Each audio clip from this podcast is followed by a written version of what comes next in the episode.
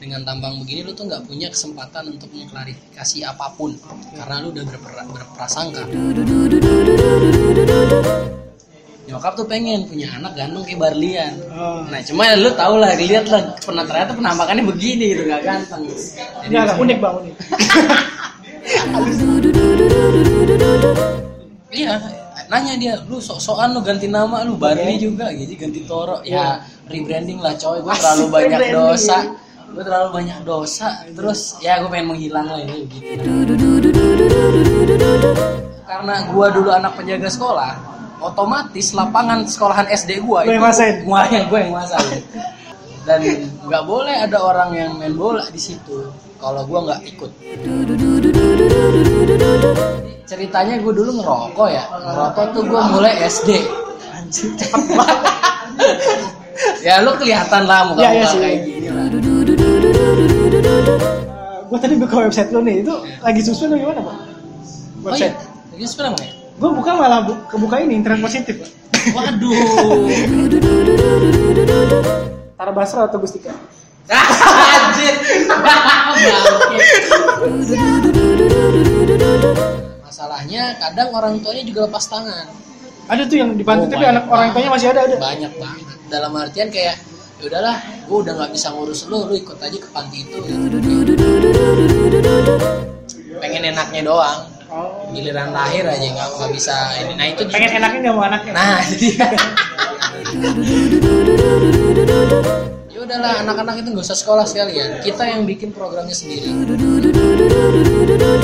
Kalau orang yang udah kenal gua dibilang tuh lu tuh eh, muka security hati lo kitty banget guys ya Bukanlah sosok yang sangat eh, om-om ini dia sangat ibuan. dan dia bilang gini gua nggak mau kalau ngobrol sama lu pasti semua yang ini ketahuan semua lah gitu Ke- kebongkar semua. Iya. sampai akhirnya 2011 gue masuk UI ya kan rumah gue kena gusur ini mungkin pertanyaan juga buat semua orang sebenarnya. Eh, apakah lu saat ini sedang menikmati hidup lu? Kalau misalnya iya kenapa lu mengidap- menikmati itu?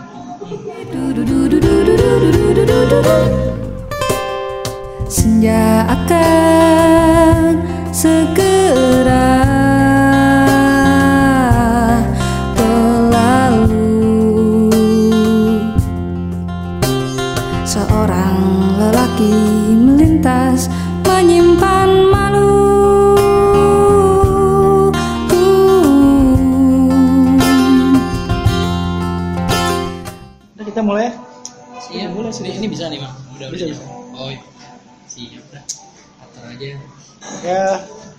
di sinilah saya bersama Abang Toro.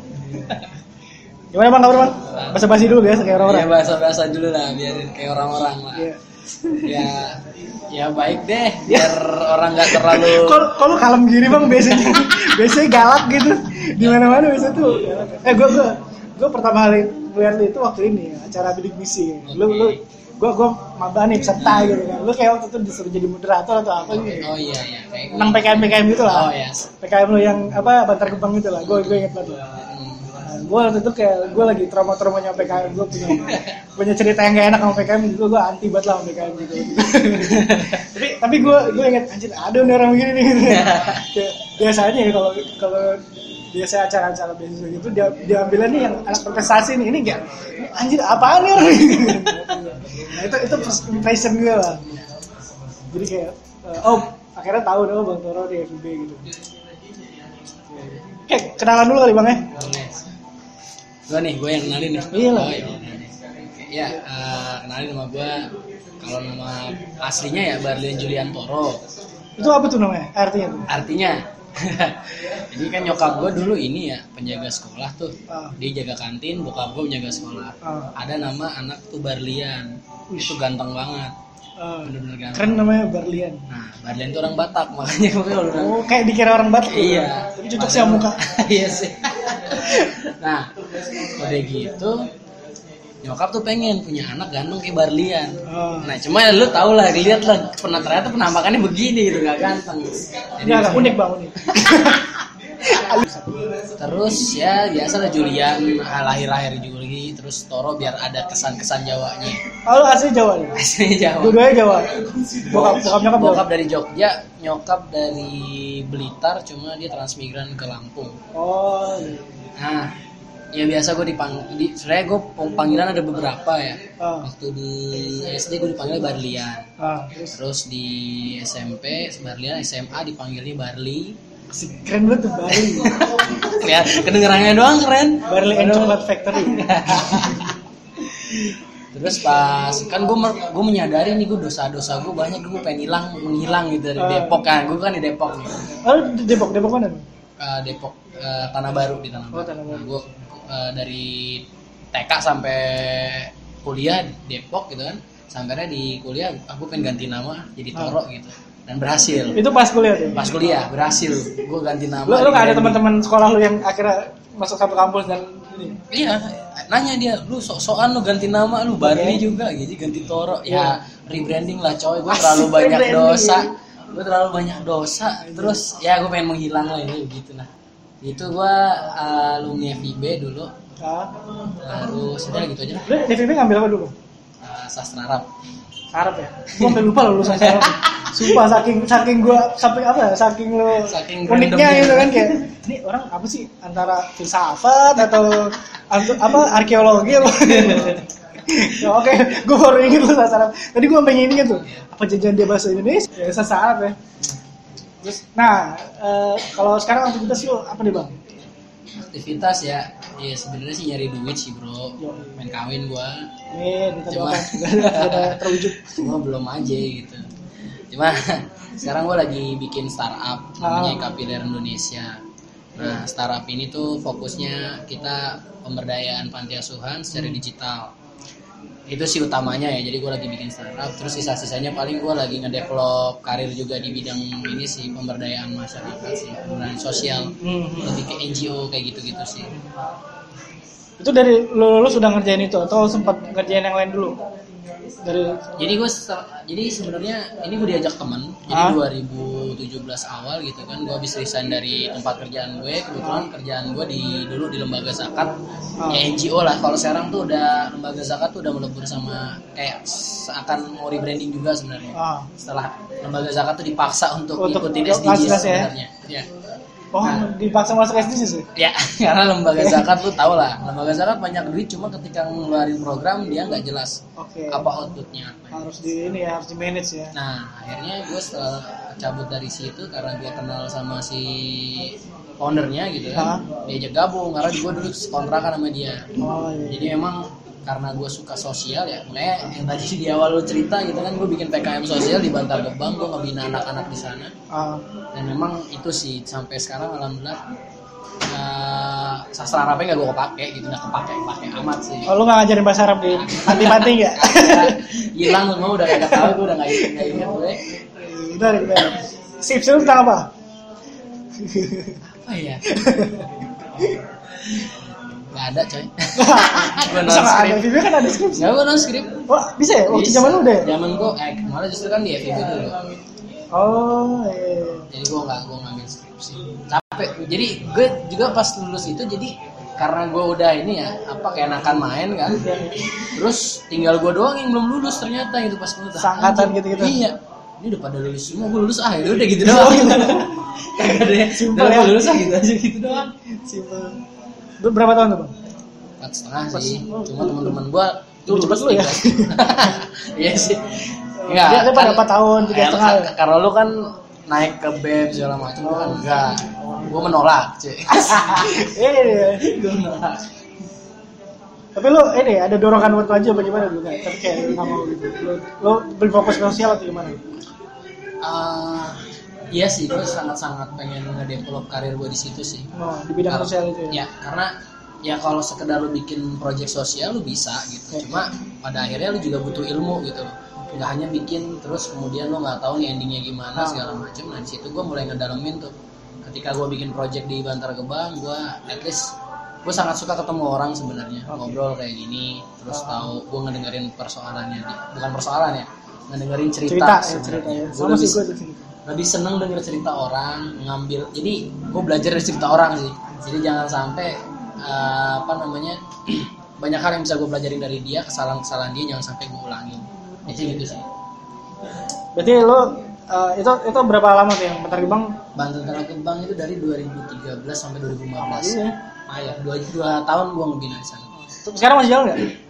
Karena sifatnya ini apa eh, community development. Ah. jadi gue waktu itu terminasinya tiga tahun. Ih, main juga tuh sebagai program sosial yang dikelola mahasiswa. Nah, dan itu gue bolak-balik coy tiap Sabtu Minggu gue ke sana gitu kan dari Depok. Itu lu bayangin aja ya dari Depok ke Bantar Gebang gitu Ah. gue lewat Cibubur. Itu buset dah dua jam berangkat pulang dua jam. Itu effortnya luar Ya, biasa sih gitu. Dan itu benar-benar jadi hal-hal yang sangat berkesan sampai sekarang gitu. Hmm. gue kalau ke sana tuh benar-benar kayak gue harus jadi gue ngedevelop anak-anak pemulung.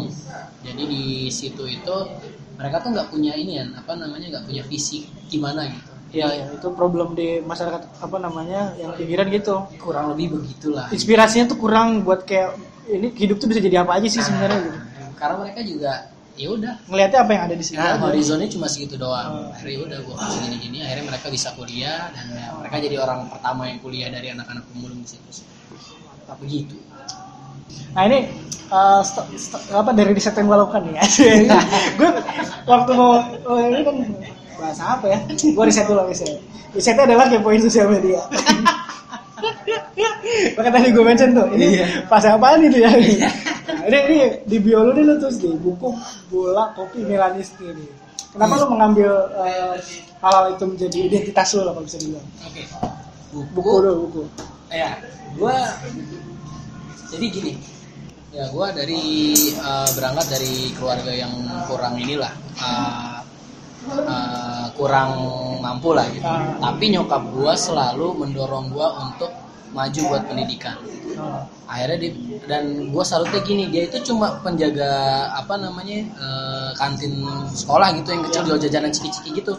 Cuma dia itu sempat untuk bikin asuransi pendidikan buat gua. Dan itu gua kayak gila lu tuh Bokap ini lu banget nah pendidikan lu ya? nah, Lu, lu anak berapa? pertama. Dari? dari tiga. Nah habis itu eh, karena gua di situ kayak oh gila nyokap gua tuh bener-bener mati-matian buat nyekolahin gue. Ah. sama akhirnya gua di S- SMP lah SMP mulai ngelihat orang-orang tuh baca-baca segala macam. Dan situ gua bener-bener ini banget sama buku. Walaupun ya dan sekarang gue juga udah milah-milah buku apa yang pengen gue baca gitu. Nggak harus semuanya gitu. Hmm. yang gue suka aja. Itu sih untuk buku terus yang kedua tadi apa Eh, Bola, bola. ya bola ini cinta pertama gue Anjir. Ya, ya.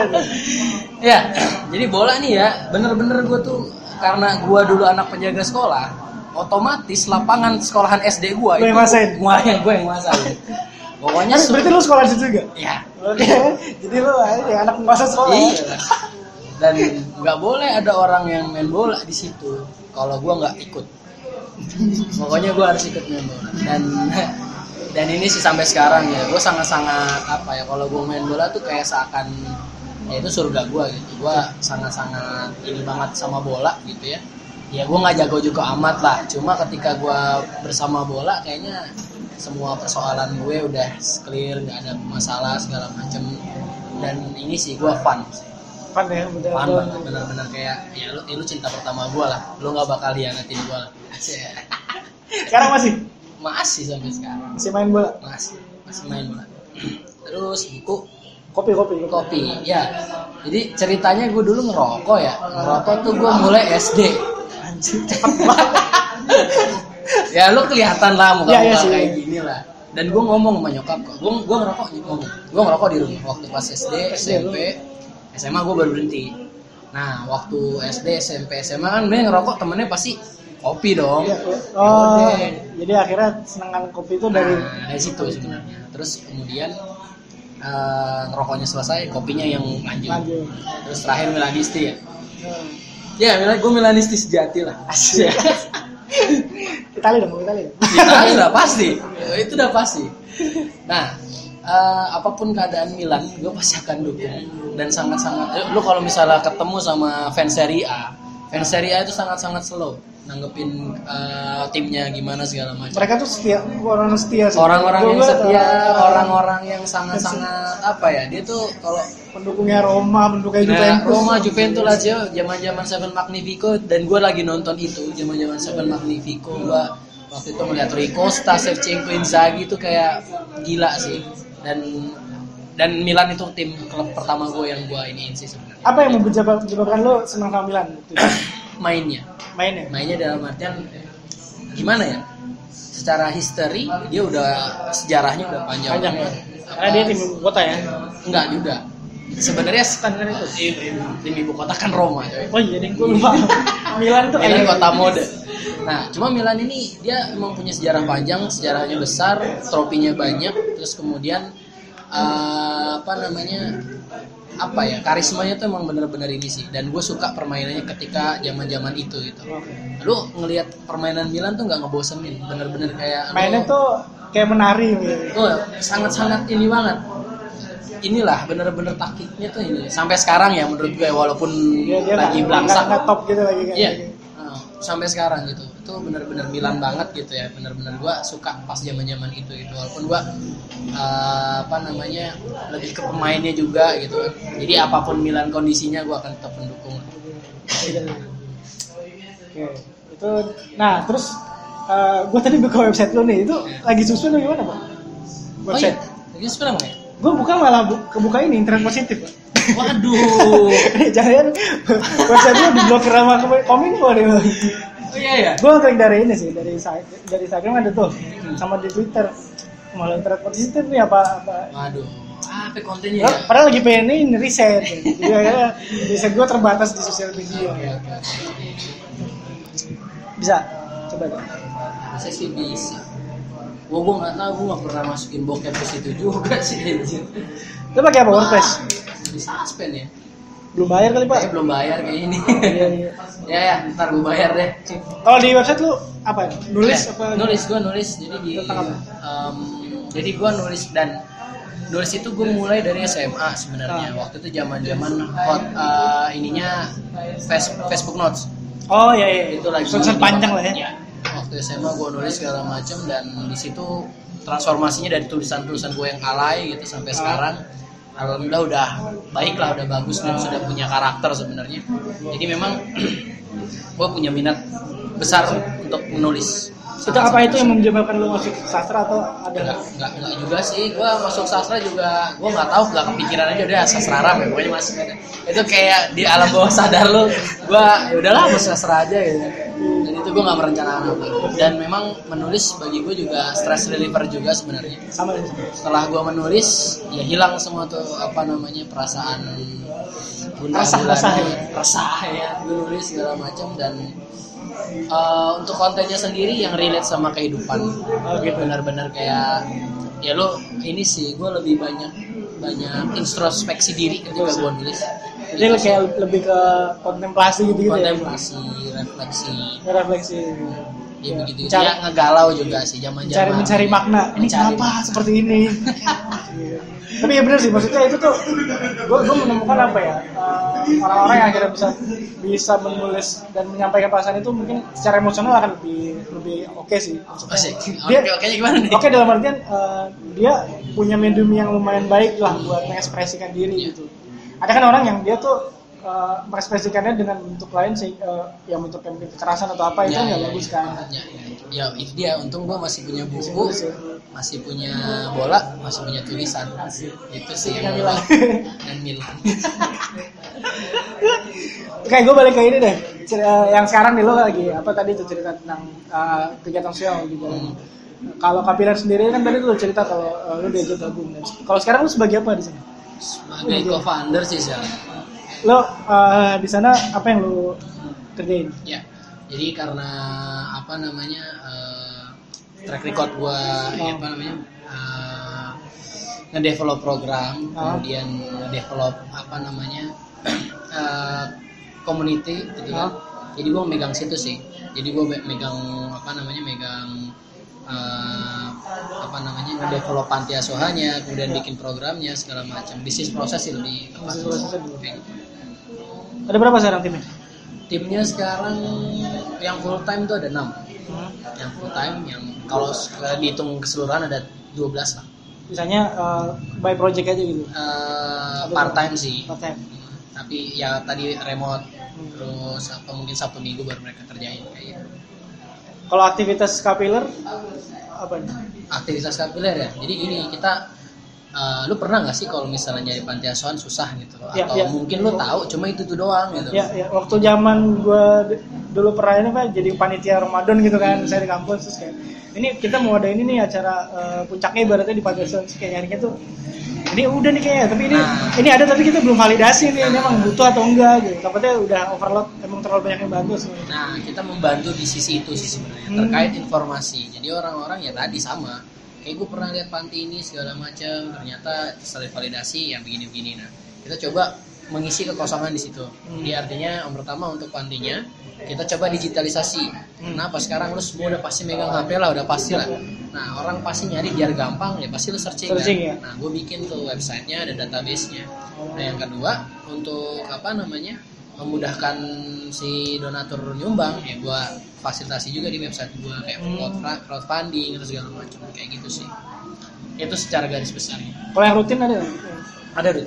kita ada kalau programnya ya jadi kita ada untuk donatur kita persilahkan untuk eh, jadi donatur tetap per bulan namanya bekal bulanan panti gitu ntar Oh. kita kumpulin kemudian ntar kita distribusi Oke. Sekarang ada berapa yang udah data? Kalau di data ada 300, tapi yang bermitra baru 30. 300 itu di sebaran mana aja? 70% Depok Jakarta, sisanya ada- di Aceh, di Oh, Makassar, ada juga yang di ada luar- Jawa luar- Timur. Jadi ya? ah, alhamdulillah sih udah nyebar se Indonesia, cuma mungkin bagian timur Papua, NTB, Bali itu belum. Kalau yang semacam kapilah ada sih? Atau Kalau semacam ya, jadi gini kita juga analisis stakeholdernya adalah sebenarnya banyak, Hmm. tapi dia lebih kayak misalnya lu tahu yatim mandiri, Oh, dia dia kayak apa namanya chain gitu. Jadi kayak dia punya dia Nah. yayasan yatim piatu tapi dia punya, Ah, ah, dia ini ya. bikin kayak sistem MLM lah. Dia tiap kota ada, tapi yatim mandiri namanya. Ah. Nah, nah itu kebanyakan kayak gitu kayak yatim mandiri, domyadu, kemudian kayak mizan amanah segala macam kayak gitu. Jadi mereka develop satu panti asuhan di naungan yayasan mereka, kemudian didu- diduplikasi di setiap kota-kota. Bu- Nah. modelnya bukan yang ngehubungin ya. Nah, bukan. Nah, kita muncul di situ. Jadi kita mengisi bahwa ya kita nggak punya ibaratnya nggak punya panti, cuma kita mencoba untuk menghimpun nih biar orang-orang gampang ya udah lu silahkan nih tinggal pilih. Ya namanya kan sekarang udah bebas lah market. Ya, ya. Silahkan lu milih mau bantu yang mana segala macam. Intinya kita membantu panti untuk go digital aja sih sebenarnya. Oke, gue gue mau nih. Maksudnya bisnis model menghubung-hubungkan ini menarik sih. Karena gue pernah kerja juga di. Kalau gue eh, dulu pernah kerja sebelum gue lulus tuh eh, ada namanya Kreavi. Kreavi, dia tuh oke. dia eh, semacam apa ya? Eh, dia yang mengkoneksikan kreator-kreator lah di Indonesia. Hmm. Kayak kreator eh, desain, video, animasi segala macam. Nah dia ya? dia punya database sampai bisa 40 ribu orang Hmm. itu itu macam-macam tuh tapi ketika dia punya project jadi dia bisa langsung nyasar ke eh, kreator-kreator yang tepat gitu. misalnya kemarin gue baru dikontak sama mereka buat bikin project apa mural gitu karena gue mereka lihat oh lu pernah lu ngerjain mural nih dan kita cocok nih sama style kayak gitu jadi kayak mereka nggak punya mungkin mere- mereka bukan bergerak di bidang kreator ya tapi mereka mungkin gue gue gue kira kayak ini semacam bem aja sih bem kan bukan yang punya Nggak eh, punya ini sebenarnya. ibaratnya mereka yang masa. ya nggak punya masa tapi mereka yang menggerakkan kayak gitu menarik. Cuma ya ini juga sih sekarang ini sebenarnya kan kita kayak marketplace sebenarnya. Ya ya. Kayak artinya ya ini sebenarnya sekarang serba ada dua ini sih.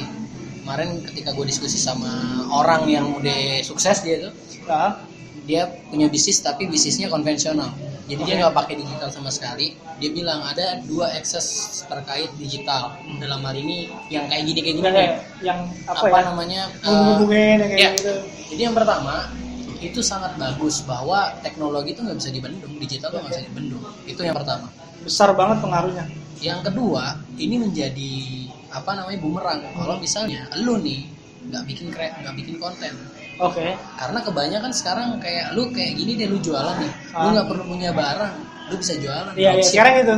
Nah, artinya di situ dia punya kekhawatiran bahwa lu akan berhenti berkreasi Oh, Itu yang karena lu masalah. cukup dengan uh, punya koneksi lu Hmm. bisa berdapat sesuatu dari koneksi itu Ya, intinya adalah lu nggak perlu punya produk untuk jualan nah ini yang dia apa namanya yang dia Kan, khawatirkan ya. makanya dia bilang pekerja-pekerja kreatif sekarang benar-benar ibaratnya kalau dia bilang karena bisnis gua konvensional gua nggak perlu gua nggak pusing sama digital kenapa gua udah punya market sendiri Ya. nah sekarang persoalannya sama teman-teman yang udah digital gitu Ya. pasti akan cepat dan itu tadi dua kayak dua sisi mata pedang aja gitu. Ya. yang satu bagus lu nggak bisa membendung itu. Marketnya gede. Tapi yang kedua ketika lu udah nyaman lu akan berhenti berkreasi. Berkreasi. Itu- itu yang bahaya. nah itu dia. Dia bilang kayak gitu. Lo akan tergantung sama apa yang lo umumkan ternyata lo sendiri kosong gitu. Lo nggak punya apa-apa lagi kalau misalnya mereka karena lu cuma nyambung nyambungin iya. doang. Kalau misalnya ada hal yang membuat mereka memutus ini dengan lo udah lo mati. Nah dia. Begitu sih saya. Tapi sejauh ini gimana Eh, progres yang dilakukan kapiler gitu progres ya. Jadi intinya gini sih ya kalau secara market sangat besar gitu ya. Kenapa? Di Indonesia tuh kalau misalnya yang tercatat ya itu Hmm. cuma ada 8000 uh, panti asuhan Hmm. itu yang tercatat. Yang nggak tercatat dari 10.000 sampai 15.000 marketnya segitu. Dan sedangkan lo baru ngambil berapa, ke- berapa kecil gua- banget gitu kan kecil banget sangat kecil. Dan gua 300 300 dibandingkan 15.000 ribu. ya? Nah, gue cuma gue target gue cuma 10% dari 8.000 at least 1.000 gue pengen uh, petain. Segitu dan kemudian akan gue apa namanya dari kapiler sendiri akan mencoba monetize gitu ya. Dalam hal ini juga untuk sustainability kapiler gitu. Itu dari sisi uh, user ya. Dan sekarang dari customer. Kita jangan jauh-jauh. Ya kita pakai data zakat aja dah. Ya. zakat itu 21 triliun. Potensinya. Potensi. Yang baru keambil baru 5 sampai 6 triliun itu besar. Sih banyak banget sih nah cuma ini yang terakhir gua diskusi sama direktur Dede gitu ya. Ketika ada orang bikin kayak gini yang dibilang silahkan. Kenapa? Marketnya masih gede Indonesia. Ya dan orang yang mau nyumbang itu banyak, banyak banget ya karena ini jadi hal-hal yang apa ya ya Indonesia jadi the most generous country se ASEAN itu udah ini banget. Gitu. Oke. Tapi sebenarnya apa sih problem apa sih yang yang lu lihat eh, dan akhirnya kapiler tuh masuk gitu. Selain tadi masalah database eh, panti asuhan. Ya, untuk database itu jadi satu misi yang selesai. Sebenarnya itu udah selesai, clear. Ketika kita muncul website jadi orang nyari ternyata kita setelah ini mereka merasa terbantu. Itu Ya. ya, satu hal Satu clear. hal udah clear. Nah, ketika gua ingin tentang root cause-nya, sebenarnya ada satu satu yaitu terkait apa namanya eh, pengurusnya. Oh iya itu isu-isu banget tuh. Isu dalam artian masalah trust issue, Iya, iya. ya kan? Gua gua sering lah denger eh, pengurus-pengurus yang nggak nggak jujur gitu lah dalam mengelola Nah, yang panti nakal segala macam. Yang dia dapat berapa tapi yang di Nah, ibaratnya menceritakan diri sendiri akhirnya nggak dibagi ke anak-anak yang Nah, diasuh. itu jadi hal yang sangat lumrah ketika lo nggak bisa misahin aset pemilik yayasan Ah, iya, sama sama aset si aset- pantinya. Nah itu jadi hal yang common yang selalu gue temuin di lapangan. Nah kemudian sebenarnya jadi gini, pemilik panti itu pada dasarnya orang baik. Kayak lo nih, lo lagi punya banyak duit, kemudian lo pengen beramal. Berak- ya beramal. Ya udah deh, gue, orang. gue bikin yayasan deh, bikin panti. Terus kemudian gue udah ngabisin duit buat setup, kemudian anak-anaknya datang segala macem.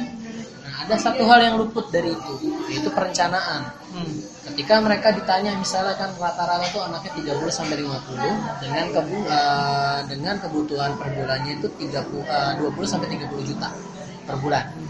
Nah, ketika kita tanya itu biasanya ustadz ustadz gitu ya. Gitu.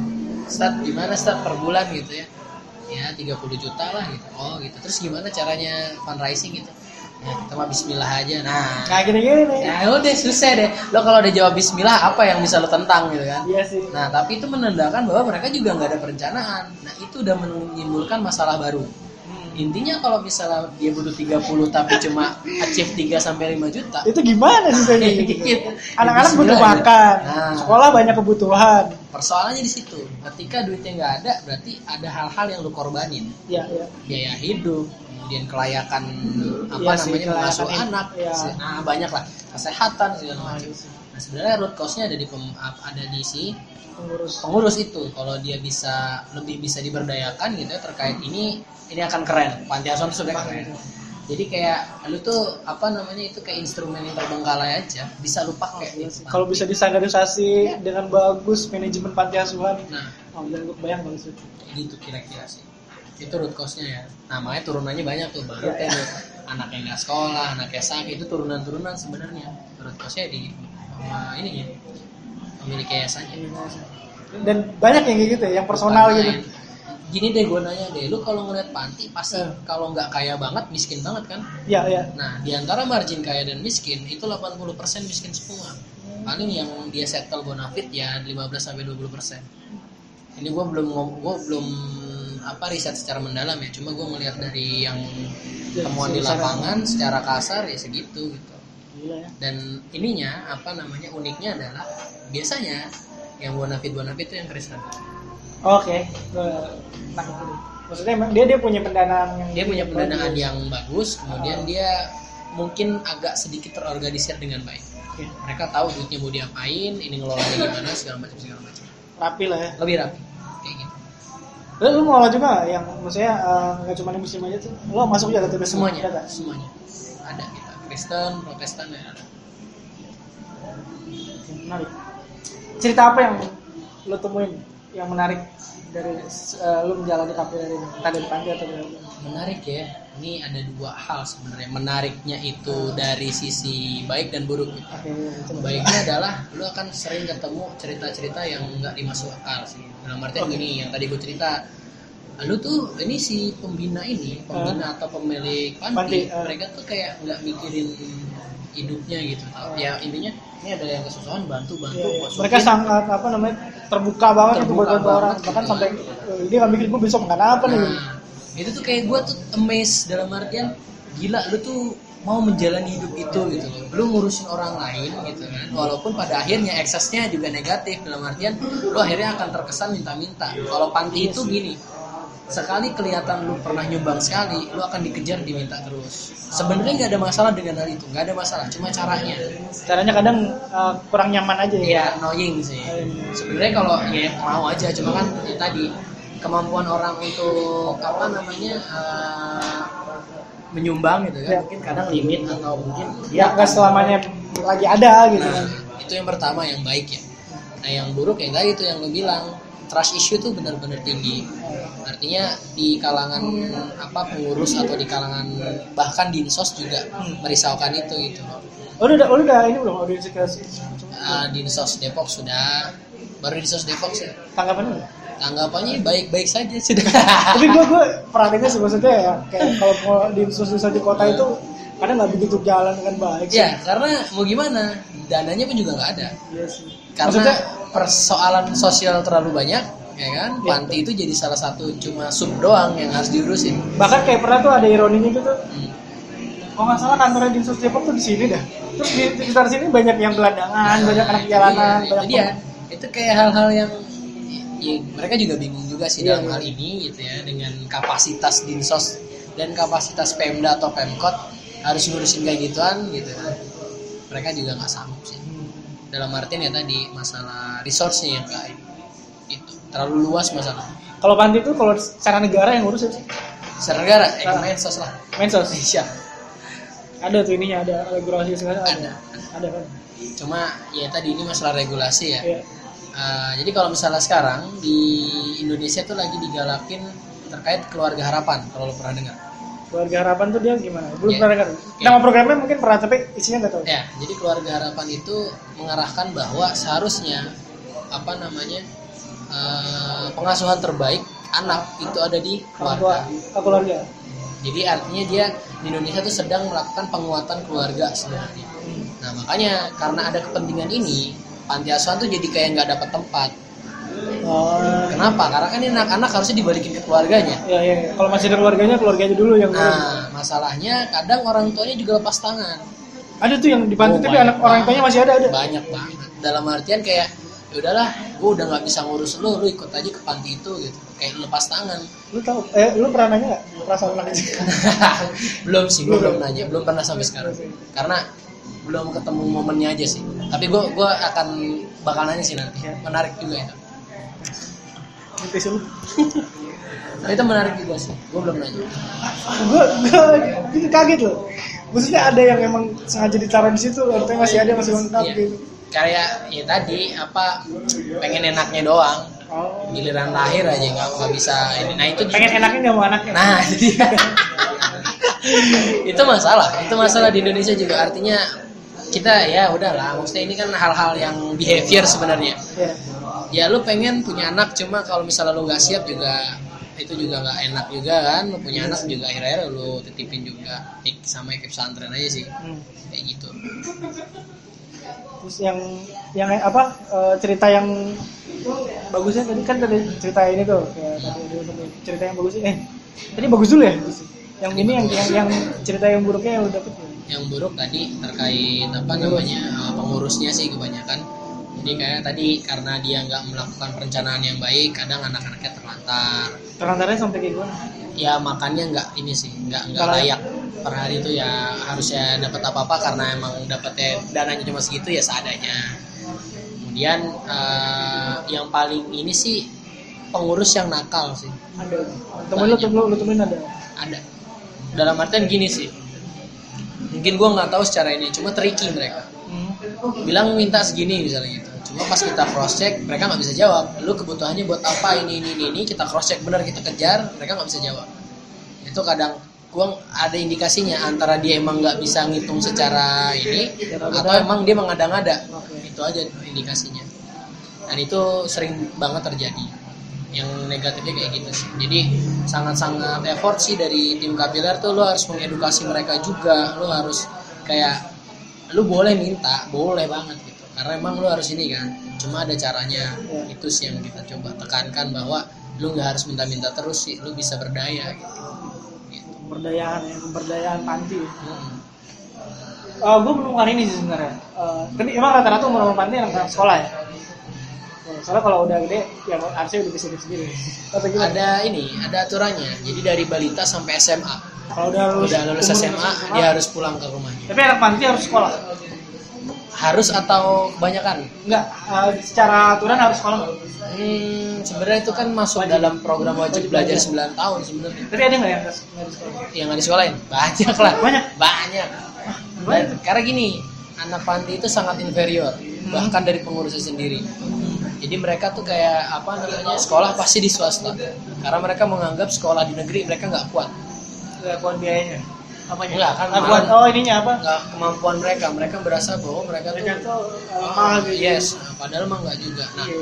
dalam hal ini itu yang membuat biaya itu sangat membludak kenapa? Kalau lu sekolah di negeri pasti gratis dong. Ya Nah karena ini di swasta, lu pikir aja satu anak 300 ribu kalau anaknya ada se- 30 orang, ya kan 9 juta. Gila. Itu buat sekolah doang, belum biaya hidup, makan, kayak gitu.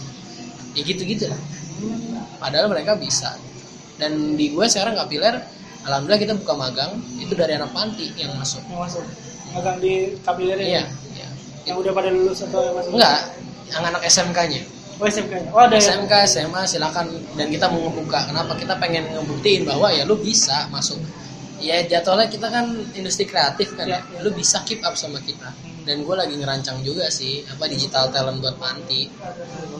Ya karena ini ini gue diskusi sama direktur Indosat sih. Ah, Jadi dia bilang bahwa pendidikan kita tuh nggak menjawab kebutuhan industri di Indonesia. benar Kayak ya sekarang apa gua- gapnya tuh jauh gitu apa yang lu pelajarin sama di lapangan di industri itu Nah. gila jauh banget dia bilang karena dia udah hidup di digital dia bilang Iya. setiap gue minta SDM ke universitas nggak ada yang bisa menuhin. Iya, iya. bahkan UI pun katanya tuh Nah. jauh banget. Malah justru lebih lebih keep up. Ini bundar nah itu dia. Dalam hal teknologi ya? Betul betul betul lebih banget. update gitu. Betul banget.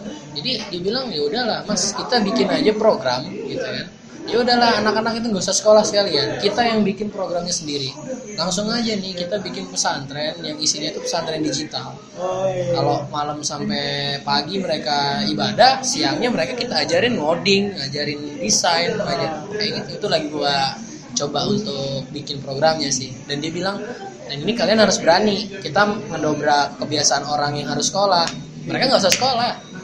Yang penting ini segila itu sih emang tapi tapi gue gue beberapa kali juga ada teman yang yang ada yang lola ada yang sekolah berarti pesantren di pesantren yang khusus belajar digital marketing eh, desain Iya. terus apa namanya eh, IT kayak gitu. Dan itu menarik sih sebenarnya. Maksudnya kenapa itu nggak muncul dari panti tapi justru dari ya udah eh, inisiatif orang yang akhirnya dia nyari orang yang ayo sekolah di sini atau ayo belajar di sini gratis nih Eh, tinggal lu serius belajar aja kayak gitu di Pati ini orangnya udah ada SD-nya udah ada tinggal programnya aja ada Nah, enggak gitu ya. sebenarnya itu sih kita ngelihat bahwa panti itu potensi. Iya. Pertama, lu nggak perlu sewa gedung, mereka udah punya gedung sendiri, lu datengin aja bikin program di sana. Benar. Itu sesimpel itu sebenarnya. Cuma emang lagi-lagi harus di assessment gitu loh.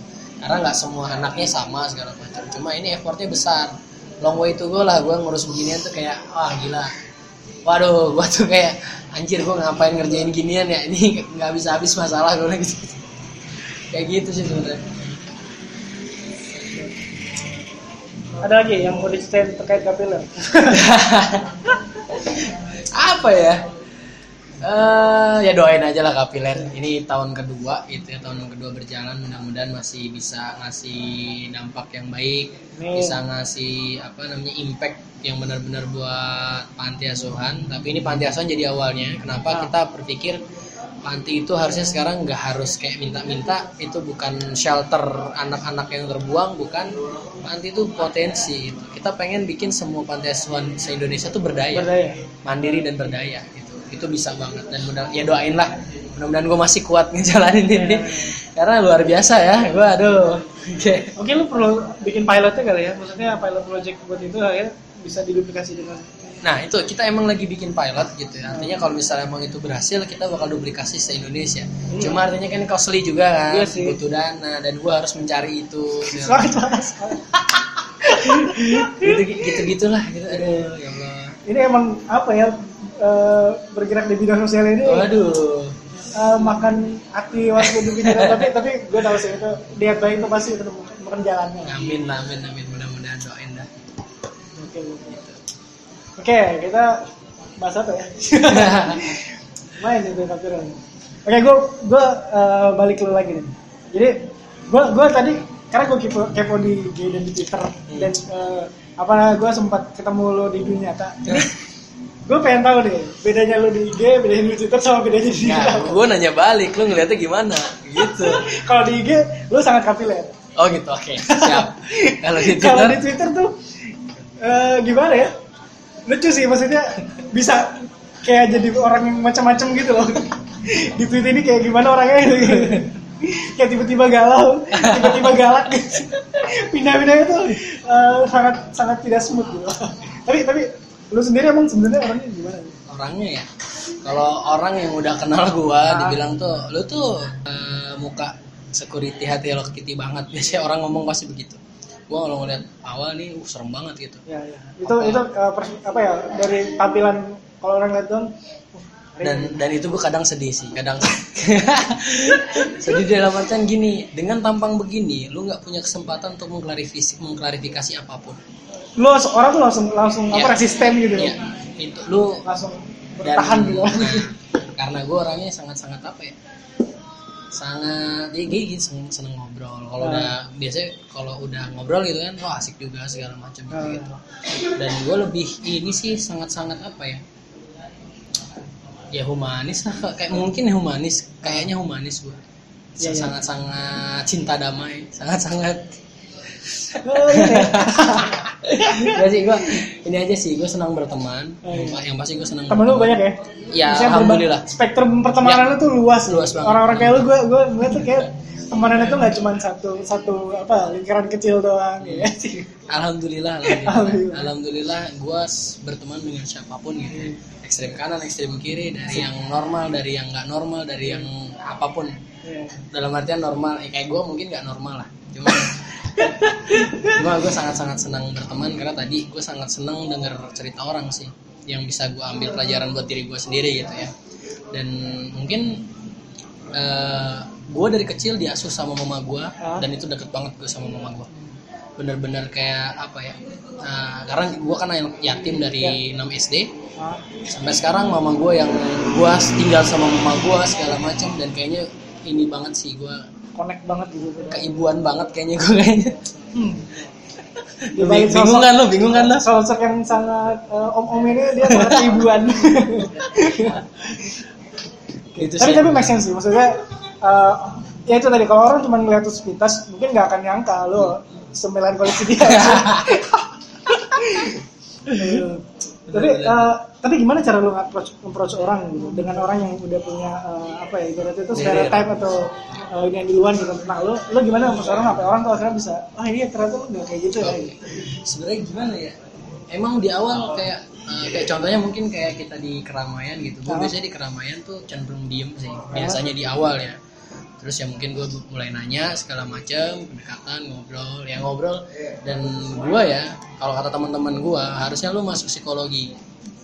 Karena lu bisa probing dengan baik dan lu bisa ngorek orang itu lu belajar sendiri? Belajar sendiri. Dan tanpa sadar orang kalau ketemu gue tuh kayak anak psikologi pasti kalau lu jago buat probing sih gitu. Iya. apa ngegali ada temen gue yang anak psikologi yang dia tuh nggak pernah mau cerita sama siapa pun. Tapi kalau bisa akhirnya Iya. terbuka banget karena lu jago nih nah dan dia bilang gini gue nggak mau kalau ngobrol sama lu pasti semua yang ini ketahuan semua gitu. Ke- kebongkar semua. Iya. Terus juga ada temen gue dia nggak pernah cerita sama siapa pun tapi sekalinya cerita dia nangis. Dia bilang ini pertama kalinya gue cerita nangis like gue itu sih mungkin gue sangat ber, apa bersyukur punya kemampuan itu. Bisa ngobrol sama orang bisa terbuka dan gue tipe pendengar yang baik sih. Gue dan emang kalau ini gue nggak terlalu mau cerita banyak-banyak kecuali sama lingkaran dekat gue. Ah, kalau misalnya baru ketemu gue lebih cenderung mau dengerin, Dengerin itu doang sih. Begitu caranya. Oke jadi jadi tadi ya lewat eh, lu dengerin dulu nanti akhirnya orang juga lama-lama dengan probingnya lu pelan-pelan tuh akhirnya kebuka. Itu dia. Kebanyakan kayak gitu. Ya kayak gitu biasanya kan yang banyak yang baper-baper juga banyak kayak gitu kan. Oh iya iya. Oh, dari situ bapernya jadi eh, gimana ya? Jadi, o- orang orang menilai lu itu bukan dari eh, apa namanya impresi pertama ya. Tapi jadi setelah ini kayak akhirnya nah ini cuma itu. Yang menyedihkan adalah orang pasti ngelihat gue di awal begitu dulu. Gitu. Ah. wah gila nih anjir nih. Ya tadi dengan tampang begini lu tuh nggak punya kesempatan untuk mengklarifikasi apa pun. Karena lu udah berper- berprasangka. Orang-orang langsung prasangka duluan. Oh ya ini orang lu kurang tato doang lu. punya gue ya tanda lahir. Panjang sampai sini kalau gue buka juga dikira tato orang Malenian tatonya luntur gila begitu sih. Lu apa ya memiliki ciri-ciri fisik yang ini emang udah punya stereotype gitu? Ya pasti udah pasti. Dan nggak bisa dihindarin gitu. Dan orang yang kenal gue doang yang pasti yang tahu. masih Ah, tahu se- ya begitu. tapi itu menjadi- pernah menjadi masalah nggak? atau ya udah sekedar hal yang biasa aja loh nah ya every time. Every time. Pasti selalu. Apalagi lu berurusan dengan panti Nah, itu, itu- gimana? Itu gimana? Itu. itu gimana? Pernah nggak ada masalah karena karena apa ya eh, secara ini lu kayak tampilan kayak gitu terus lu eh, datang ke panti kayak Ya, gitu. ya, gitu itu untuk saat ini ya sampai alhamdulillah sih belum. Belum, cuma mungkin di awal mungkin mereka berpikiran sih di awal mereka ini mereka selalu bilang mas saya udah sering banget nih orang datang ke panti kayak gini. Yang ujung-ujungnya nipu. Di apa di tadi di palak gitu? Enggak dipalak bukan. Modusnya begini kayak terakhir di Depok gitu. Uh, jadi ada orang datang terus apa dengan niat gue gue bikinin rekening nih dari bank ini ada bantuan cuma lu harus nyetor sekian. Jadi disuruh nyetor dulu. Nah itu dia bawa kabur. Nah gitu gitu. Nah itu udah banyak banget. Dan itu panti-panti itu nggak punya edukasi terkait itu. Pokoknya udah nggak bener deh kalau lu disuruh nyetor duit duluan itu udah nggak nggak bener. Iya, iya. itu dia minta dua Kalau tiga bantu juta bantu gitu. aja lah gitu dan ini prosedurnya nggak gitu gitu loh. Masa lu mau dapat bantuan harus nyetor duluan? Iya. nah itu buat apa nyetornya itu buat apa? Nah, itu kalau dibilang alhamdulillah sampai sekarang sih nggak ada ini ya nggak ada barrier cuma pasti mereka di awal pasti akan nanya gitu. Apa nih mas? Nah gitu sih nih bener gak nih? Ini, ini. ya insya Allah bu. Gitu. nah itulah. Gitu. Sedih aja gue gue juga. Every time dalam artian ya apalagi sama cewek ya. Ya ya wah lu deh kalau cewek udah ketemu cewek gitu kan. Kayak ya udah lu pasti jahat gitu loh. Iya. kalau ketemu gitu udah. Cuma setelah kenal baru kasih kasih. baru baper. Baper mulu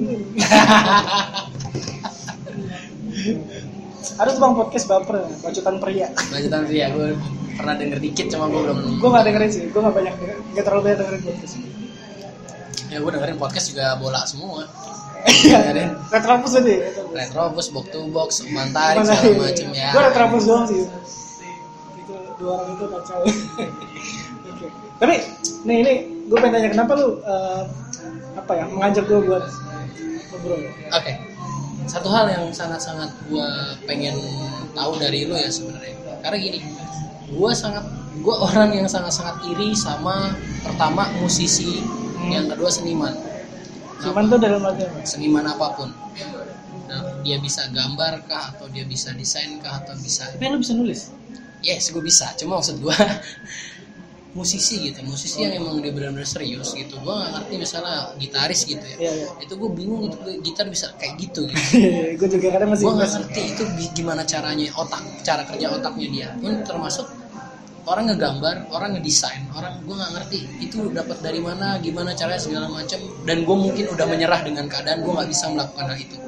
Dan gue melihat itu unik di lo gitu. Gue pikir bahwa orang-orang kreatif tuh ya mikirnya out of the box gitu dalam dalam bukan out the box dalam artian unik lah unik gitu. Dan gue sangat-sangat pengen ngobrol apa sih sebenarnya yang apa namanya mengil- mengilhami lu, lu semua yang kayak gitu?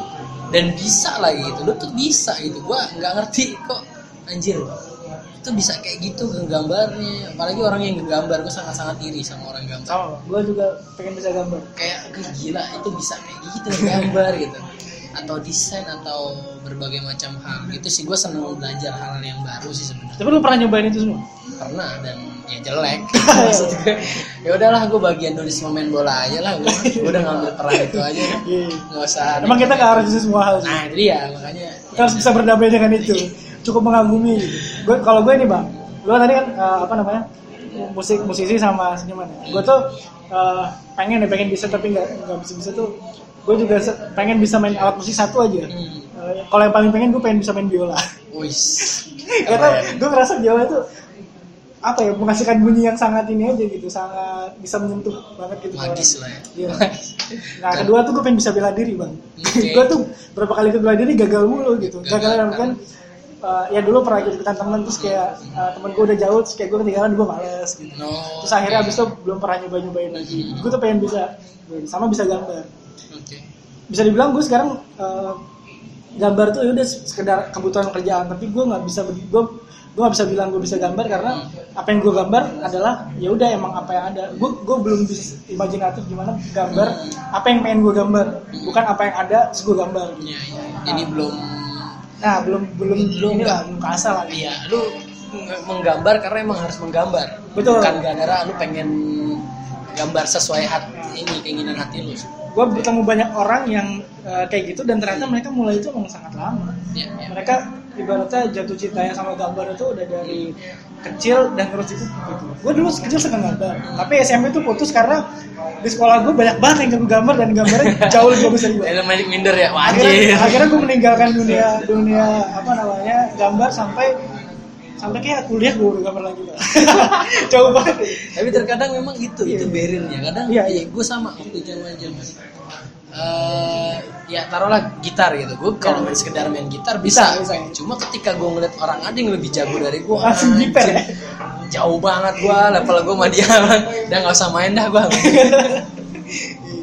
Meskipun memang ya apa ya dia dia mencapai itu juga mungkin kan melawan banyak hal Iya, kan. iya. waktunya direlain. Mungkin dia juga punya perasaan gitu ngeliat dulu yang lebih jago dari dia. Tapi dia mau buat belajar akhirnya sampai pada titik itu. Iya. dan itu yang kadang luput dan ya mungkin nggak semua orang mau jalani sih. Betul betul. Ya, ya, ya. terus apa lagi ya? lu mau nanya apa nih? Oke. Biar ini. Gua mau nanya apa ya? Gini, mungkin ada satu hal yang eh, ini mungkin pertanyaan juga buat semua orang sebenarnya. Eh, apakah lu saat ini sedang menikmati hidup lu? Kalau Hmm. misalnya iya kenapa lu menikmati itu? Oh ini udah saya. Itu aja dulu. Eh, sebenarnya gue cukup gue orang cukup yang bisa cukup berdamai dengan keadaan. Hmm.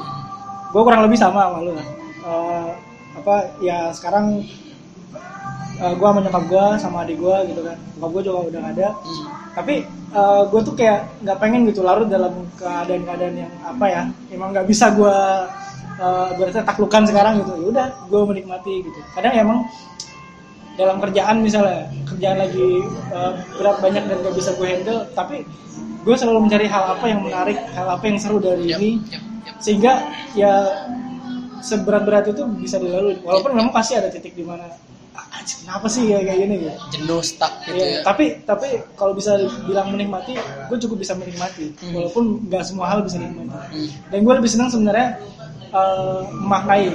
Dalam artian hal yang buruk pun kalau kita maknai itu bisa menjadi hal yang asik gitu. Maksudnya apa ya? Kayak gue gue gue seneng komedi tuh karena kadang hal yang eh, apa ya musibah sih kayak hal yang ya. jelek aja itu bisa diketawain gitu. Dan gue gue belajar dari situ gitu maksudnya kayak eh, gue mau nyokap gue misalnya ngobrol pagi-pagi ngobrolin hal yang "Anjir, keadaan gini apa tapi kayak bisa ketawa gitu. Itu tuh lucu sih. Itu itu itu yang membuat gue ya, ya lumayan inilah lumayan bisa akhirnya berkata dengan ya ironi lah lu Iya, bisa iya. menertawakan berbagai macam. Soalnya gini banyak orang yang mungkin ya secara apa ya standar sosial atau ekonomi itu lebih baik tapi eh, dia nggak bisa menikmati karena mungkin dia ketemu aja gitu maksudnya ya, ya, apa yang bisa dia eh, ibaratnya petik dari itu ya, gitu. ya, ya. kepahitan atau kemanisan itu tuh kadang ya udah Ya, ya, nggak ya. cuman kita rasain sekarang cuman kayak harus kita gali lagi kita ambil oh ini ternyata nih Nah, itu yang membuat yang bisa lu yatim dari umur berapa gua kelas naik kelas 2 SMA 2 SMA ya oke Iya. berarti ya nah ini kalau gue gua inian gue berhenti ngerokok pas SMA gara-gara gue mikir waktu itu dan gue segampang itu ninggalin rokok. Jadi kan ya udah kan keluarga gue tinggal ibu gue doang yang kerja segala macam dan gue lihat susah nih. Ya udahlah daripada gue beli beli rokok mendingan duit rokok itu buat beli beras. Oh iya sesederhana itu. sesederhana itu. Maksud gue orang bisa kok kalau misalnya ada hal yang lebih logis dan dia mau mikir dan mau meninggalkan itu mengalah sore bisa. Nah yang pengen gue tahu juga dalam posisi apa lu tidak menikmati hidup dalam posisi eh, ketika hal yang dekat banget nih Hmm. itu nggak bisa gue handle oke contohnya contohnya misalnya eh, lebih banyak sih kerjaan sama amanah misalnya Hmm. gue gue punya tanggung jawab gitu Hmm. ter- terkait orang lain dan ah gue up banget lah dengan itu nggak bisa gitu itu itu gue pusing gitu pusing tapi gue gue lumayan ini sih lumayan bisa cepat gitu Ya. cepat dalam artian udah gue bawa tidur siang bentar gitu bangun-bangun agak lebih clear gitu Agak gue lebih clear. alhamdulillah sih bisa kayak gitu gitu walaupun Ya. kok masih nggak kelar kelar amat tapi ya gitu terus kayak misalnya eh gue tuh paling gak suka sebenarnya kalau kalau gue meninggalkan perasaan gak enak ke orang Yap. kayak gue Yap. gue melak- hal yang mengecewakan ke orang tuh gue bisa kebawa gak enak gitu Yap. kayak kalau ada yang nggak selesai sama orang lain tuh gue nggak Ya. nggak susah gitu me, me, nggak menghentikan enakan itu. lah pokoknya orangnya nggak enakan Iya, ya. orangnya sangat dan enakan. Itu- mungkin memang lu harus belajar lebih nggak enakan apa untuk menghilangkan itu betul kayak, kayak dulu tuh waktu zaman zaman apa di kampus gue tuh sangat susah buat menolak kan gue yang eh, apa namanya ya ibaratnya mungkin punya kemampuan eh, desain segala macam Hmm. harus menerima kerjaan banyak dan mungkin ya mungkin orang nggak terlalu mikirin bahwa Iya, iya, iya. gue nggak bisa handle itu kayak eh lu karena gue menerima kan Iya. sebenarnya itu tawaran Iya. bukan perintah gitu tapi Iya. karena gue menerima Lu makanya punya- gue fisik sendiri itu situ lu punya pilihan untuk menolak ini iya tapi lu nggak bisa tapi gitu tapi gue kayak ada ya ya ya bisa nih gitu akhirnya itu Iya, iya. pelan pelan tuh gue belajar untuk bisa menolak sekarang juga uh, dalam bentuk kerjaan ya udah Hmm. bukan ini ya udah bukan project uh, makasih makasih kerjaan pun gue akhirnya berusaha buat belajar buat menolak kalau emang gue nggak bisa gitu maksain Ya. karena gue pernah mengecewakan temen gue gitu temen yang uh, sangat baik ke gue dia gue bisa bilang apa ya mentor gue lah dalam bidang kreatif kayak gitu dia ada kerjaan uh, dia nggak bisa handle sendiri dia minta tolong gue kayak kita bagi tugas ternyata gue nggak kelar sama kerjaan gue dia kecewa banget sih kecewa banget. Tapi gue udah minta dia nggak penting maaf lu yang penting sekarang ini harus kerjaan gue akhirnya dia hashtag handle itu semua. Dan itu gak enak sampai sekarang walaupun dia udah biasa aja. Ya ya itu itu itu penyakit sih coy. Iya. Dan gue juga orang yang sangat keenakan tapi gue Iya. sudah apa ya ini. Sebe- intinya kan memang ini kan seni untuk lu tega-tegaan aja sebenarnya. Benar. lu bisa kadang orang tuh nggak peduli peduli amat sebenarnya. Enggak eh, satu hal gini. Kadang kita tuh terlalu mikirin apa kata orang sih. Padahal orang mungkin gak terlalu mikirin itu. Bisa jadi mikirin bisa jadi enggak Oke, cuma iya, iya. intinya gini. Lu punya pilihan lu, lu selalu punya pilihan. Oke. Sama kayak gua. Gua, gua selalu punya pilihan bahwa dan itu hal pertama. Lu selalu punya pilihan. Yang kedua ketika lu memilih itu udah sepaket sama konsekuensinya yang akan datang. Benar. Jadi itu yang yang saat ini gue juga lagi belajar. Gue juga orangnya nggak enakan banget. Apalagi nolak-nolak gitu. Cuma sekarang gue udah lumayan tega lah. Gue bilang nggak bisa nggak bisa. Iya iya segala macam. Nah itu yang lebih memang emang butuh seni untuk apa ya? Kan nah ini yang lagi ini kan ada buku seni mer- apa? Sikap bodo amat. Bersih gue bilang ya elah lu ngapain ngajarin gue? Gue orangnya bodo amatan. Iya, iya. kayak kayak begitu tuh kayak orang kayak gila lu ya hidup lu tuh selalu ters tapi karena banyak orang yang nggak bisa bodo amat. Nah nggak maksud gue gini hidup lu tuh terjebak sama stigma orang. Ya ya lu Gimana terlalu lu- musingin orang Iya. lainnya. Atau hal-hal yang memang harus gue Eh, iya ngapain anjir lu hidup hidup sendiri. Gue sangat sangat ini ya ini gue belajar sama nyokap gue Nyokap gue itu orang-orang yang sangat simple simple minded banget gitu. Selama dia nggak apa lu nggak ngeganggu gue gue nggak bakal ngeganggu lu dan itu sama kayak gue gitu. Ya selama lu nggak ini kalau tapi kalau lu ada masalah lu ngomong depan gue gitu selesain sekarang. Oke Nyokap daripada gua- lu timbun dan jadi masalah di belakang gitu. Nah, kan nyokap gue orangnya begitu. Dan gue juga bilang ya udahlah kalau ada yang ngomongin biarin aja sih. Ya orang dia yang ribet kita mah kagak. Ya lu ribet amat gitu. Nah ini emang hal-hal yang sangat apa namanya hal yang simpel sebenarnya. Ya, ya. cuma ya gue bingung anjir sampai ada bukunya. Gak jelas hidup karena memang semua. mungkin orang nggak nggak banyak yang bisa Enggak, dan iya ada marketnya gitu. Ada. gue bilang wah anjir lu mau hidup pada gak ada inian banget ya. Pantesan orang bilang IG itu sumber stres karena lu terlalu bener. terlalu mikirin orang. Iya emang dia mikirin lu emang lu hidup dari dia? Enggak lah slow aja lah. Bahkan nih ya gua gua ini kan karena kebetulan nih kita ada di kolam yang sama ya. Iya. misalnya taruhlah Islam banget gitu. Nah, kadang gue mikir gitu ya udah sih hidup hidup lu lu nggak harus mikirin kata orang lu nggak harus mikirin kata komunitas lu walaupun itu juga nggak bener juga ya Iya. maksud gue di situ ada kontrol sosial sebenarnya di situ tapi yang penting lu punya apa ya lu melakukan sesuatu tuh ada prinsip ada sebab ada alasannya gitu itu yang Nah, penting kan itu yang pertama. Yang kedua tanggung jawab. Iya. Lagi-lagi gue bilang konsekuensi. Kayak misalnya kayak apa ya? Kayak teman gue gitu, dia akhirnya memutuskan untuk come out. ah, Come out dalam artian entah dia apa misalnya gue bilang gue begini nih gitu.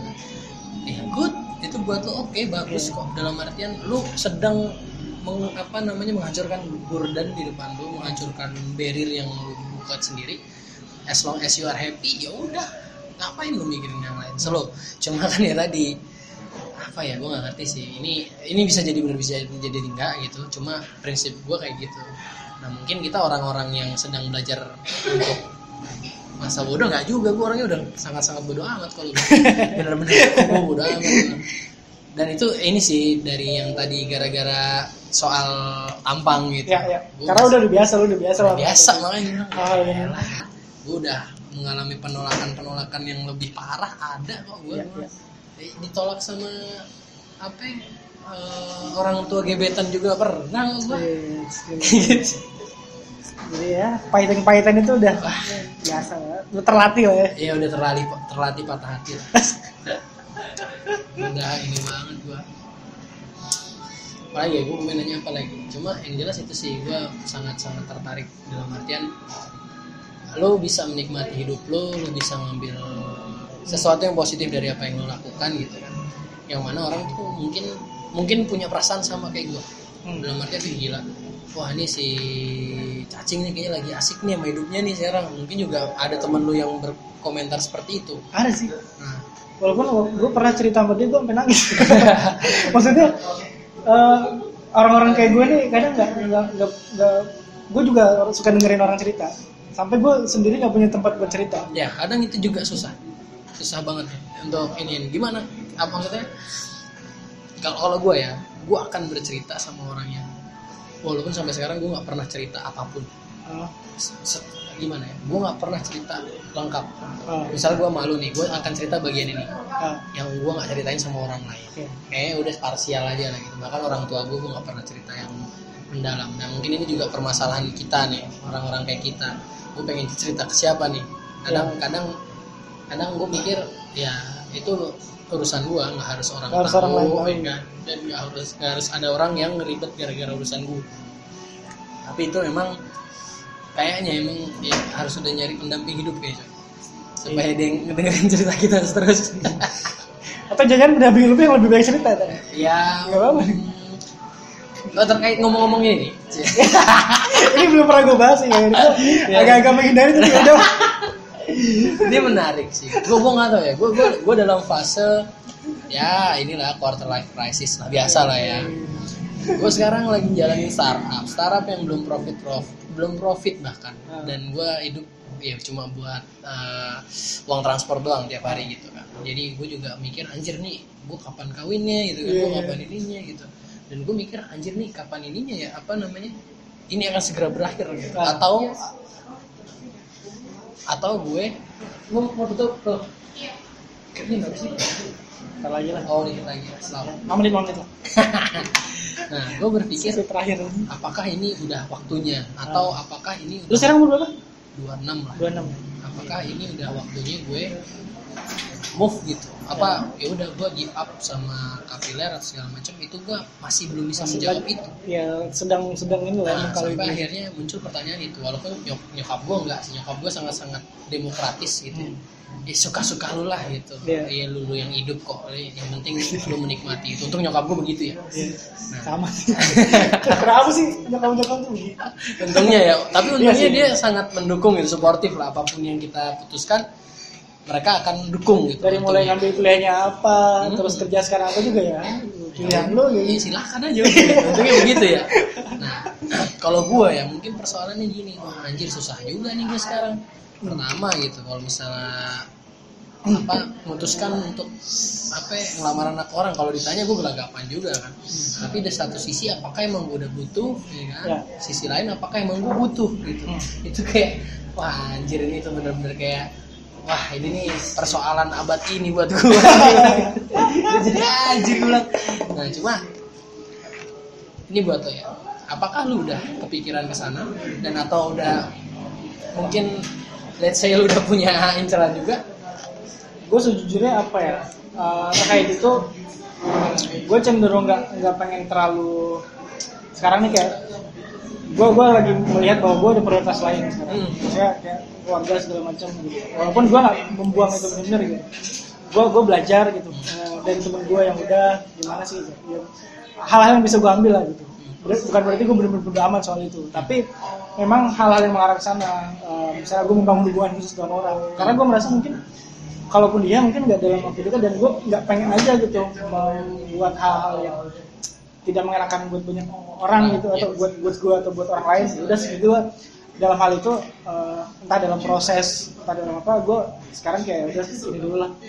Agak berjarak dulu lah. Tapi Oke. tadi gue tetap oke. eh, mempersiapkan diri segala Ya, macam. ya, artinya mempersiapkan diri juga ya kan Ya. kayak ya bersiap-siap lah yang Iya. penting cuma kan nggak tahu kan Iya. datangnya gimana gitu nah, iya. yang penting bersiap-siap cuma Iya. belum buka- belum bukan fokus belum- utama bukan fokus utama gue sekarang ya, ya.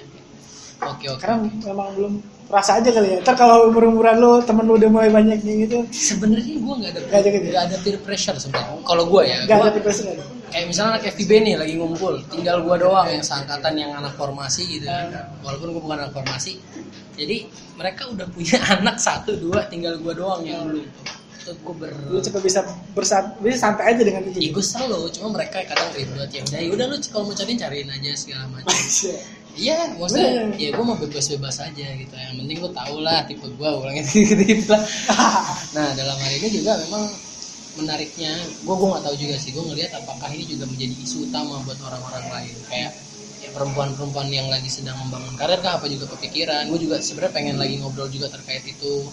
Walaupun memang juga ini kan jadi quarter life crisis mereka juga. Ya, ya. Nah ini juga jadi apa namanya? Apakah bahkan orang tuh kalau ngelihat terkait pernikahan itu apakah sesakral itu kah atau emang ta- tadi kayak tadi gue gue nelfon temen gue junior gue lebih tepatnya. Ya gue bilang lu gimana? Gini gini ya gue kak abis resign gini gini gini ya udahlah yang penting ini aja segala macam. Nah dia tuh nggak mikirin nikah apa tuh nggak mikir gitu. Dan dia di bawah gue setahun lah bener-bener kayak "Ya udahlah gue pengen menjalani ini dulu gitu. uh, aktualisasi dulu gitu. Kayak udah itu bukan hal yang penting lagi penting dalam sekarang gitu ya. Kayak semua orang bebas untuk soalnya gini loh bang gue gue ngeliatnya ya banyak orang yang eh, mungkin ya setelah nikah itu justru jadi nggak ini sih apa ya jadi berubah aja gitu nih emang emang pasti ada penyesuaian tapi eh, akhirnya gue ngeliat banyak yang mungkin antara trauma atau kayak ah ntar gue kayak dia lagi misalnya setelah nikah akhirnya jadi kumpul gitu. Iya sih ada, ada, ada yang pernah cerita gitu juga cuma yang jelas uh, pernikahan itu bagi gua ya ibadah seumur hidup lah. Ya itu ibadah seumur hidup yang ya lu nggak bisa main-main juga cuma juga lu harus nah gue belajar sama nyokap sih. Nyokap gua uh, mama tuh bener-bener ini banget gitu loh bener-bener. Gue hidup sama dia sampai sekarang ngasuh adik-adik gue segala macam. Gue belajar banget terkait keluarga sama mama gue mama gue setelah ditinggal bokap terus kemudian nikah lagi gitu kan. Ya itu gue belajar banyak hal. Walau dia nggak ngomong tapi gue ngelihat ininya dia segala macam. Luar biasa lah. Pernikahan itu benar-benar kayak itu yang ini sih. Iya bukan hal yang ya lu tinggal nikah oke fine. Iya banyak kayak ini gitu. ya lah banyak apa ada pakai dan wah itu luar biasa sih tapi ya begitulah kehidupan. Doain semoga yang terbaik lah. Ya pas segera tanya ini gimana? Nah terakhir ya Bang. Bang nih. Ini terakhir nih. apakah lu bahagia sekarang? Bahagia ya? Gue sebenarnya nggak terlalu pengen terpaku bahwa gue bahagia atau enggak. Eh, karena gue merasa sekarang apa ya apa yang dari apa yang gue jalan dan segala macam gue nggak terlalu pengen ngejar namanya itu kebahagiaan enggak hmm. bahkan eh, kalau memang lagi apa yang gue dapat itu suatu kepedihan gue pengen ya udah gimana kepedihan ini bisa menjadi suatu buat gue gitu. Bisa jadi apa ya memperkaya khazanah perasaan gue misalnya Asik. dalam dalam memaknai kehidupan gitu. tapi tapi gue nggak pengen terjebak bahwa eh, gue nggak bahagia nih gue harus mencari bahagia oke ya tadi parameter yang paling sederhananya atau hal yang paling sederhananya udah yang penting gue bisa nggak dalam momen ini gue menikmati ini atau eh, ada di sini kayak gitu. Oke. di situ sih. Kalau ditanya bahagia atau enggak jadinya ya ya kayak gini aja. Ya dalam hal yang ini aja lah, positif lagi lagi dalam hal yang positif. Oke karena itu bisa sangat eh, naik turunnya tuh bisa drastis lah gitu. Berarti susah dijawab sebenarnya. Susah dijawab. Karena gue eh, memilih untuk nggak pengen terlalu saklek bahwa gue lagi nggak bahagia gue bahagia. Ya. Tapi itu penting kalau bagi gue ya. Eh ya lu gimana lu gimana? Sorry. saat ini ya saat ini uh, hari ini hari ini ya. Mungkin gue gue nggak tahu karena gue lagi ngejalanin bisnis ini ya. Gue tuh kayak lagi lelah sih untuk saat ini. Hari ini gue lagi sedang lelah kayak gue lagi nggak pengen ngapa-ngapain. Ditanyain terkait kerjaan. Hmm. jadi gue tadi gue bilang sama adik gue tadi gue tuh nggak bisa membedakan mana yang lagi gue pengen. Apakah gue butuh liburan Hmm. atau gue butuh fresh money buat running. running company gue kayak dua-duanya tuh sama.